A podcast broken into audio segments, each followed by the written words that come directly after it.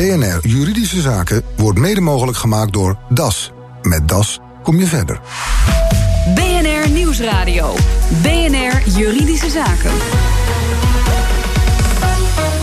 Van Liemt. Tom de Graaf is benoemd tot vicevoorzitter van de Raad van State en onderkoning van Nederland buiten de Tweede Kamer om. Is hij de geschiktste kandidaat? Collega Damarcelis, de Raad van State, een heel belangrijk instituut. Wat doet het precies? Nou, het is niet alleen een heel belangrijk instituut, het is ook een heel oud instituut, eh, opgericht in 1531 door Karel V. Uh, de Raad heeft twee taken. Het adviseert het kabinet over voorgenomen wetten bijvoorbeeld. Dus de Raad kijkt dan naar uh, ja, of, of een wetsvoorstel in overeenstemming is met de grondwet, met Europese wetten en verdragen. Uh, en daarnaast treedt de Raad van State op als rechter in geval er een geschil is, dus een conflict tussen bijvoorbeeld burgers, de overheid of tussen burgers, of uh, tussen de overheid en uh, organisaties zoals bedrijven. Nou wordt de vicevoorzitter van die Raad van State ook wel de onderkoning van Nederland genoemd. Ik zei het net al, waar komt die benaming vandaan? Ja, die benaming komt er vandaan dat, het, dat de voorzitter van de Raad van State de koning is, Willem-Alexander dus op dit moment. De vicevoorzitter is dan de onderkoning. Um, de naam uh, de heeft. Uh, ja, hij mag ook daadwerkelijk op een gegeven moment koninklijke taken waarnemen. Bijvoorbeeld als de koning uitgeschakeld is door ziekte. Dat is in het verleden ook wel eens gebeurd in uh, 1898 en 18, 1889 en 1890. Uh, maar goed, laten we hopen dat het niet meer zo ver komt. Een beetje blijven hangen. Oud, belangrijk en onderkoning. Oud, belangrijk, onderkoning. Ja, dat is wel een beetje de functieomschrijving. Ja. Dank je dan. Tom de Graaf die is dus aangewezen als de volgende onderkoning van Nederland. En over die benoemingsprocedure, over de geschiktheid van Tom de Graaf praat ik met Wim Voermans. Hij is hoogleraar staats- en bestuursrecht aan de Universiteit van Leiden. En uh, hij zit op afstand. En hier in de studio Rob de Lange. Hij is algemeen verslaggever en uh, bovendien ook sterverslaggever bij het Financiële Dagblad. Heren, welkom. Nou, hebben we er heel veel van hè, bij het FD. Nee, dat is waar. Dit oh, is dat, ja, zeker. Maar nu staat er een van die in de studio. Ik begin bij jou, Rob. Want uh, toen jij dit hoorde, toen, toen gebeurde er wat. Toen knapte er zelfs iets in je. De heer Tom de Graaf wordt de nieuwe vicepresident van de Raad van State. En waarom Tom de Graaf? Nou, we hebben een uh, zorgvuldige procedure gevolgd. Uh, hij beschikt echt over de hele breedte, eigenlijk over de relevante ervaring. Hij heeft in het openbaar bestuur in Nederland relevante ervaring, zowel in beide kamers als, als minister. Hij heeft ook ervaring in het lokaal bestuur is ook burgemeester geweest. Hij heeft verstand van wetgeving, van staatsrecht, van koninkrijksrelaties. Met andere woorden, zeer gekwalificeerd. En we hebben veel vertrouwen in dat hij straks het vicepresidentschap op gezaghebbende manier zal uitoefenen. En hij is lid van D66. Hij is ook lid van D66, ja. ja nee, dat was de belangrijkste criterium, of niet? Uh, dat was uiteraard geen criterium. Geen criterium? Nee.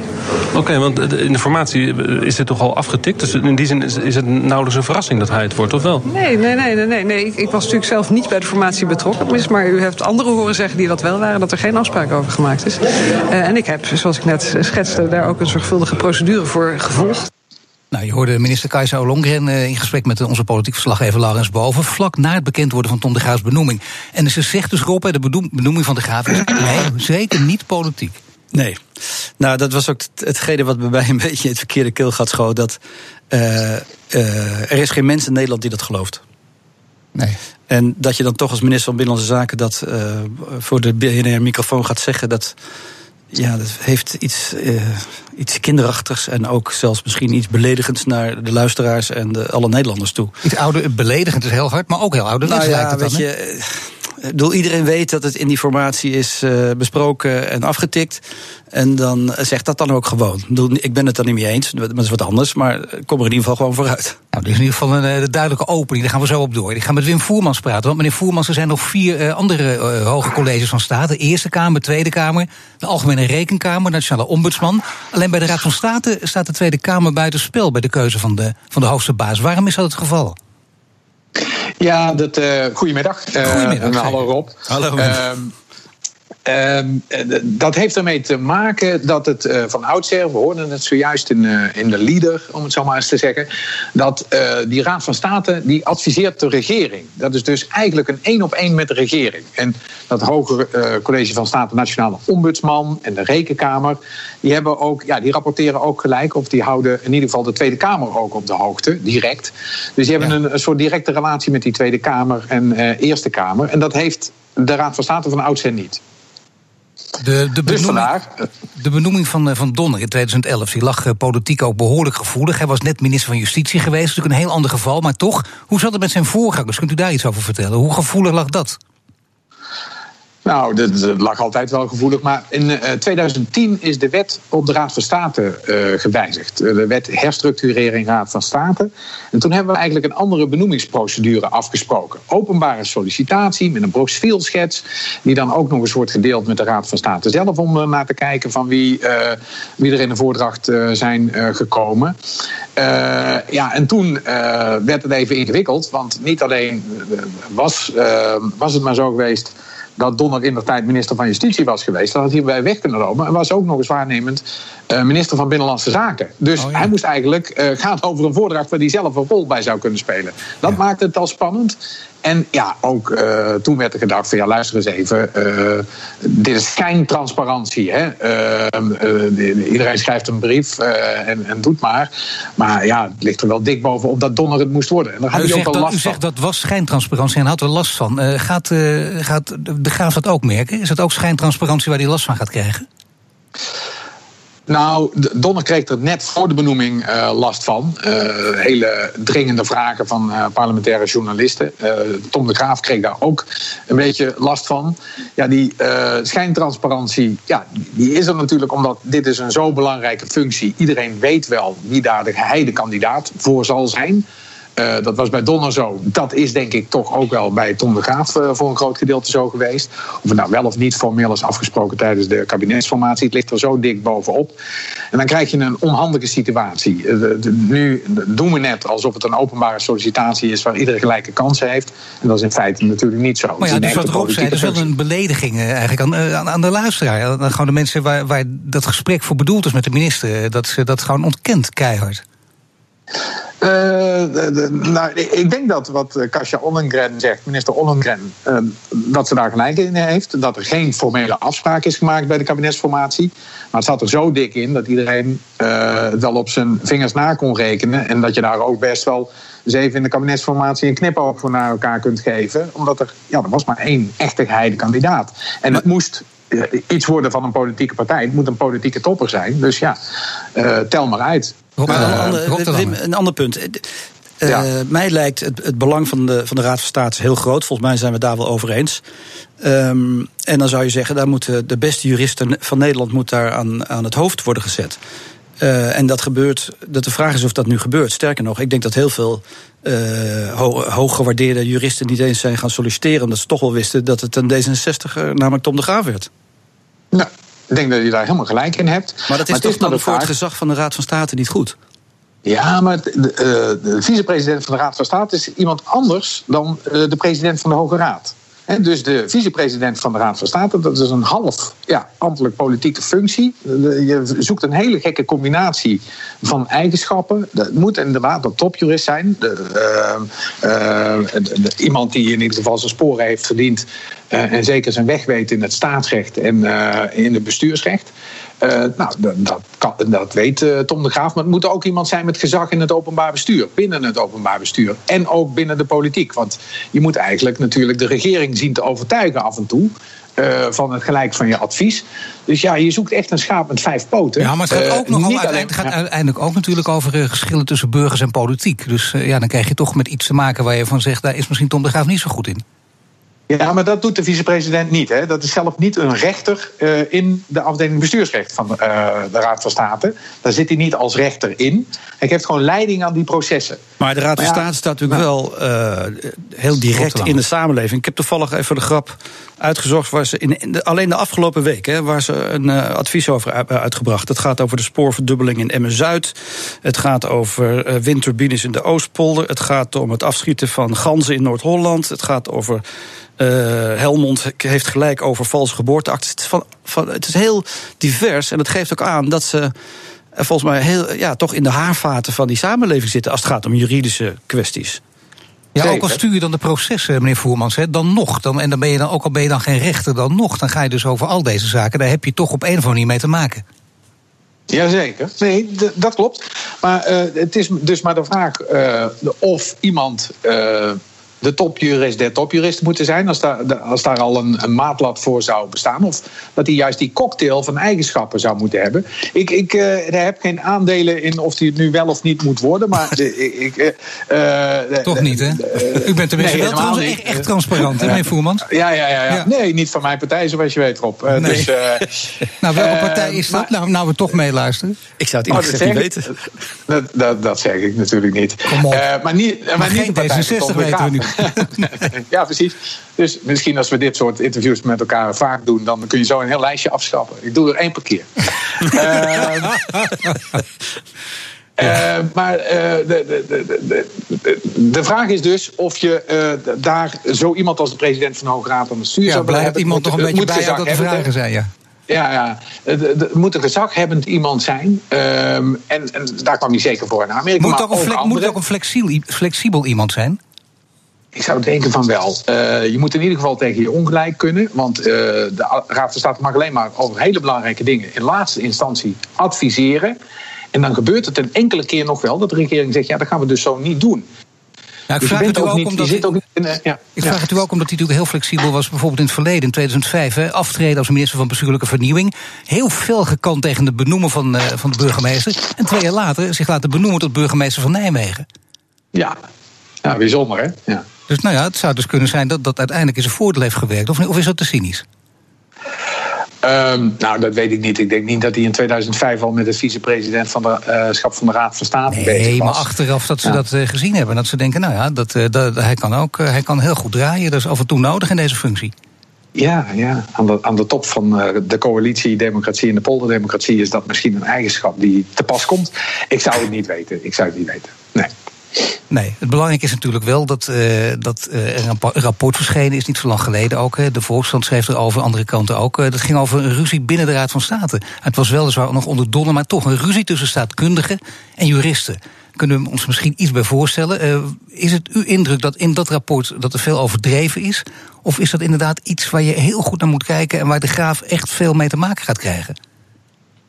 Nou, daar gaat hij zeker veel mee te maken krijgen. Ruzie is een groot woord, maar de Raad van State is, uh, doet aan zelfreflectie. Die zijn aan het kijken, ze worden steeds uh, geconfronteerd met meer taken, uh, met meer opdrachten.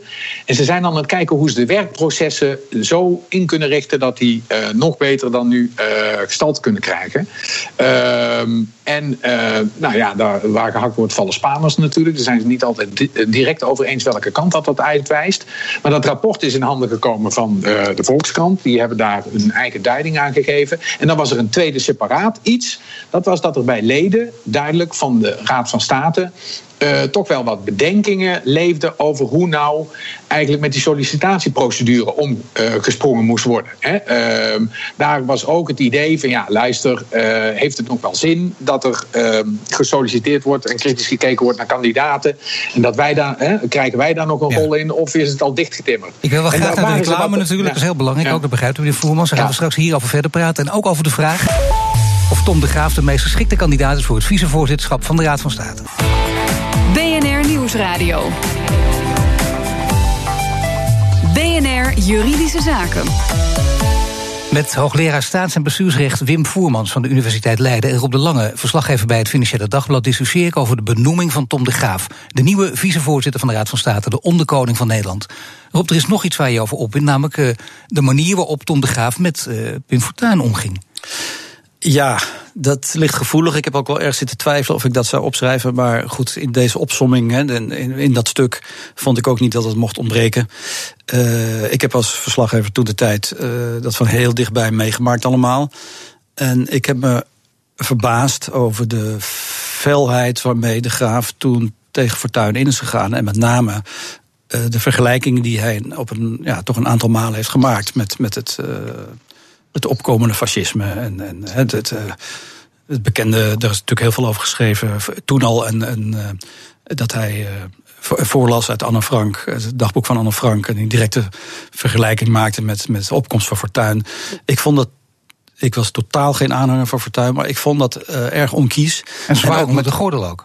Ik vond het ook wel onder de gordel, ja. ja, ja, ja. Ja, meneer en ze waren allemaal, gingen er allemaal hard in hoor. Van, ja, van Rozenmuller tot en met, noem maar op, van, tot en met Balken en toen. Maar niet op deze manier. Nee, daarom. Dat is toch heel opmerkelijk. Hè? Dan, is dat, eh, dan gaat dat echt onder de gordel, dat is heel stevig. En zeker als je in zo'n positie komt, moet je dan niet van juist op dit gebied van onbesproken gedrag zijn? Meneer Voermans. Nou ja, uh, ik zat te luisteren naar Rob. Zeker heeft hij daar een punt hoor. Uh, uh, aan de andere kant is het ook zo dat uh, Cenk Willink en uh, Piet en Donner gingen Tom de Graaf vooraf. Die hadden ook nog alles ongezouten meningen over het een of het ander.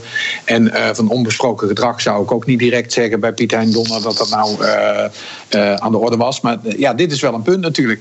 Alleen voor de kwalificaties van. Ehm, voor het vicepresidentschap, ja, dat jij tot de kern van het uh, politieke establishment of het conservatieve politieke establishment zou behoren. Dat is natuurlijk uh, geen, geen hindernis dan. Uh, dat, dat, dat ja, ik geloof niet dat het daar nu zo hoog wordt opgenomen. Dat hij dat soort dingen heeft gezegd. Maar ik. maar Wim, kijk, jij, jij, jij, jij zit, er, jij zit er meer, je zit er beter in dan ik hoor. Maar ehm, ik, wat ik zie de afgelopen jaren is dat de adviezen van de Raad van State toch een dat daar door de Kamer, door de Tweede Kamer, toch relatief uh, selectief in gewinkeld wordt. Hè. Dus, uh, dus uh, op een of andere manier is het gezag van de Raad van State ook, staat ook onder druk. Net zoals alle instituties in Nederland kun je zeggen. Mm. Maar juist omdat ik het persoonlijk als burger vind ik het een heel belangrijk instituut. Ja, daar moet je gewoon iedere twijfel van tevoren al wegnemen, denk ik. Ja, daar kan, daar kan ik me iets bij voorstellen. Dat is ook zo. Het gekke is, wij hebben het in 1999 mogen onderzoeken en in 2006 ook. Dan zijn we gewoon nagegaan hoe het zit met het gezag van de adviezen van de Raad van State. Mm -hmm. En dat is eigenlijk, ja, dat is uh, vreemd de tweede, wat de Tweede Kamer ermee doet, dat is even vers 2. Maar dit is dus de Raad van State adviseert de regering of nou uh, over onderwerpen van wetsvoorstellen die ze in willen dienen bij uh, de Staten-Generaal. en dan, ja, dat doen ze in drieën, maar vooral de juridische oordelen van de Raad van State tellen dan zwaar. En die zijn eigenlijk gezaghebbender geworden sinds 1999 en 2006. Dus er wordt eigenlijk nog beter geluisterd naar de Raad van State dan het gevolg was. Maar het is wel de regering die dan luistert ja. naar die Raad van State. Dus de burger, dus de burger, die, burger luistert er meer, neer, meer naar dan de Tweede Kamer? Uh, de, de, regering luistert er erg goed naar. Okay, hè? Maar, ja, ja. Uh, dus maar de vraag ook of, of de Raad van State goed uh, voelt en aanvoelt oh, wat leeft in de samenleving. Dat hoop je dan maar. En het zou eigenlijk ook mooi zijn dat ze misschien nog meer zouden kunnen doen met hun gesprek met de Tweede Kamer. Hè? Dus dat, dat je duidelijk probeert in te, ja, um, in te weven in wat er leeft in de samenleving. En dat de Raad van State dat misschien nog meer zou doen. Maar nu dus, wat wij zien is, als het gaat om het advies en voor wie het bedoeld is, en dat is dus de regering. Um, als het gaat om het gezag daarvan. De regering luistert beter dan ze ooit tevoren hebben gedaan naar de adviezen van de Raad van State. Nou, wat u al eerder zei, meneer Voerman, zei ja. Raad van State dus adviescollege van het kabinet. Dus uh, dan zou het ook nog erg in het voordeel spreken dat Tom de Graaf, zoals zelfs zijn vrienden ook een veel profielen omschrijven. Uh, Tom kan wel eens wat regentesk zijn, uh, dat dat heel goed voor hem heeft uitgepakt. Hij is daarmee een representant van de bestuurlijke klasse, past precies op deze plek. Um, u zegt het, het past er precies in, ja. Ja, maar ja, dan kun je wel zeggen, dat is dus voor eens en voor altijd blijkbaar een plek waar dit soort mensen inpassen. Dan komt er nooit enige verandering tot stand. Nee, ja, dat is de prijs der dingen van het hebben van een Raad van State. Uh, de andere landen hebben een constitutioneel hof uh, die ze uh, de wetten laten toetsen aan de grondwet. Dan krijg je een hele andere dynamiek. Wij zijn een coalitiedemocratie, een polderdemocratie, waar we dingen graag dicht bij elkaar en bestuurlijk houden. En dan, ja, wij hebben dus een Raad van State die als een soort horse whisperer uh, voor de regering uh, fungeert. Om allerlei compromissen die gesloten worden, om die nog juridisch te toetsen. Maar uiteindelijk niet het doorbijtende vermogen te hebben om ook te zeggen van dit gaan we dus niet doen. vanuit zo'n onafhankelijke functie. Nee. Nou, zei u al uh, duidelijk, het is heel moeilijk om iemand voor deze functie te vinden. Juist vanwege al die kwaliteiten die je nodig hebt. Je zoekt een vierkante cirkel, die is er niet. Maar uh, zijn er andere namen toch te bedenken? Het is nu te laat, maar voor de toekomst zegt u, uh, ik, ik ken er nog wel een paar. Of is er echt niemand die u zo te binnen schiet? Nee, ik denk met de dingen die je hiervoor moet kunnen, dat steeds minder mensen komen die dat zullen kunnen. Vroeger was de, het ambt jurist en iemand in het openbaar bestuur of politicus. Uh, daar had je uh, hele kruiwagens vol van. Uh, te veel zelfs, als je het mij vraagt. maar nu, ja, als je door de Tweede Kamer kijkt en in de Eerste Kamer kijkt... je krijgt steeds minder juristen. Nou, misschien Klaas Dijkhoff hele, zou nog kunnen? Ja, de, de, de, gisteren zat ik te denken van wie zou dat nou nog eens kunnen worden? Nou, iemand die precies in het zou passen is Klaas Dijkhoff. Maar of is nog veel rechter. ja. Ja, maar die is nergens burgemeester of uh, commissaris geweest. Hè? En die heeft ook nog niet in de Eerste Kamer gezeten. Dus dat zou niet kunnen eigenlijk. Nee, nee. Oké, nou goed. Uiteindelijk uh, Tom de Graaf. Ik dank u beiden. Wim Voermans, hoogleraar staats- en bestuursrecht aan de Universiteit van Leiden. En Rob de Lange, algemeen verslaggever bij het Financiële Dagblad. BNR Nieuwsradio. BNR Juridische Zaken. Luisteraar Joost die is in conflict met zijn verzekeraar. Via de telefoon waren hem toezeggingen gedaan die later werden ontkend. Een padstelling dreigde tot Joost zich herinnerde dat alle telefoongesprekken waren opgenomen. Het verslag is van Daan Marcelis. Joost, uh, jij hebt een conflict met een grote financiële dienstverlener, maar daar gaat uh, je vraag niet over. Waarover wel? Nou, dat is dat als je als klant opbelt naar de klantenservice dat je stevast uh, te horen krijgt uh, dat het gesprek wordt opgenomen voor trainingsdoeleinden en dergelijke. En dat je eigenlijk niet de keuze hebt om het niet te laten opnemen. Dus als je als klant in contact wil komen, dan is het een gegeven dat het gesprek wordt opgenomen. Ik zei het al, je hebt een conflict met een uh, grote financiële dienstverlener. Jij dacht, hé hey, handig, uh, de gesprekken zijn allemaal opgenomen. Dat kan ook vast in mijn voordeel werken, maar dat pakte anders uit. Ja, precies. Ik, heb, uh, de, de, ik dacht van nou, volgens mij is mij het een en ander toegezegd in een gesprek anderhalve maand geleden. Dus ik vraag die gesprekken op. Nou, en toen kwam ik eigenlijk in een zeer stroperig gebeuren terecht, waarbij ik te horen kreeg dat ik uh, de eerste was die dat ooit gevraagd had. Nou, en vervolgens uh, ja, lukt het mij nauwelijks om die bestanden te pakken te krijgen. Ik moest maar wachten, ik werd soms niet teruggebeld. En als ik dan weer belde naar de klantenservice, dan wisten ze er niet van. Dus het heeft weken over zich heen laten komen tot ik überhaupt te horen kreeg... ja, ze zijn gevonden en je mag ze afluisteren. Dat kon eerst niet vanwege veiligheids redenen werd mij verteld. En ik heb de bestanden eigenlijk nooit gehad, maar ik moest naar het hoofdkantoor komen om ze dan daar maar te komen afluisteren. Nou, en, en daar zat je toen op een gegeven moment en je vriendin is ook wezen luisteren. Viel je nog iets op? Nou ja, wat, wat je, dit is een hele rare setting, want je zit eigenlijk gewoon in een kamer en er kijken twee mannen mee. Om, uh, vanuit de veiligheid van, de, van uh, voor het bedrijf, om het zo maar te zeggen. En je luistert ze allemaal af, maar je krijgt uh, nooit echt de tijd om het rustig op te schrijven, kregen we niet. En uh, we hebben het bestand ook, ook niet meegekregen. Ja, het viel je zelfs op dat je uh, opgenomen werd uh, op momenten dat er een wachtmuziekje klonk. Ja, precies. Op een gegeven moment van die gesprekken wordt je, dan wordt er gezegd van... heeft u een momentje, dan vraag ik het aan een collega. Nou, en op dat moment ging ik even de conversatie met mijn kinderen aan hier in de woonkamer. En toen, dat soort geluiden bleken ook gewoon opgenomen te zijn. En ook tot hun beschikking te zijn. Terwijl ik echt niet het idee had dat dat ook opgenomen zou gaan worden. Nou, helder verhaal. Uh, iedereen die dus voortaan de klantenservice belt, moet hier rekening mee houden. Maar wat is nou jouw vraag? Mogen ze zomaar van eenzijdig beslissen dat het wordt opgenomen... en dat je anders maar niet met klantenservice moet bellen? En het tweede deel van de vraag is, als die uh, geluidsbestanden er dan zijn... moet ik er ook niet gewoon de beschikking over hebben? Ron Lamme, jij bent advocaat media en privacyrecht bij Boeks Advocaten. Je hoorde de vraag van Joost net. Moet de klantenservice altijd om toestemming vragen voor het maken van die opnames? Um, ja, in principe wel. Want zo'n opname dat geldt als persoonsgegeven. Dus daarvoor is toestemming uh, benodigd. Soms zelfs expliciete toestemming. Omdat het uh, helemaal bij een verzekeraar soms gaat om medische gegevens. Dus dan zou je eigenlijk het bandje moeten stoppen uh, en eerst toestemming verkrijgen van de consument die belt. Of je zou ze in principe de mogelijkheid moeten bieden om uh, daar niet mee in te stemmen. Ja, dus ook als je niet mee akkoord gaat, dan moet dat gesprek gewoon beginnen zonder die opname. Absoluut, dan mogen er geen opnames plaatsvinden. Ja, nou, en als er nou toch opnames zijn, moet je daar als klant dan ook de beschikking over krijgen? Jazeker, er bestaat zoiets als een inzagerecht in het privacyrecht. Die was er eigenlijk al onder de wet bescherming persoonsgegevens... die vervangen is door de Algemene Verordening Gegevensbescherming.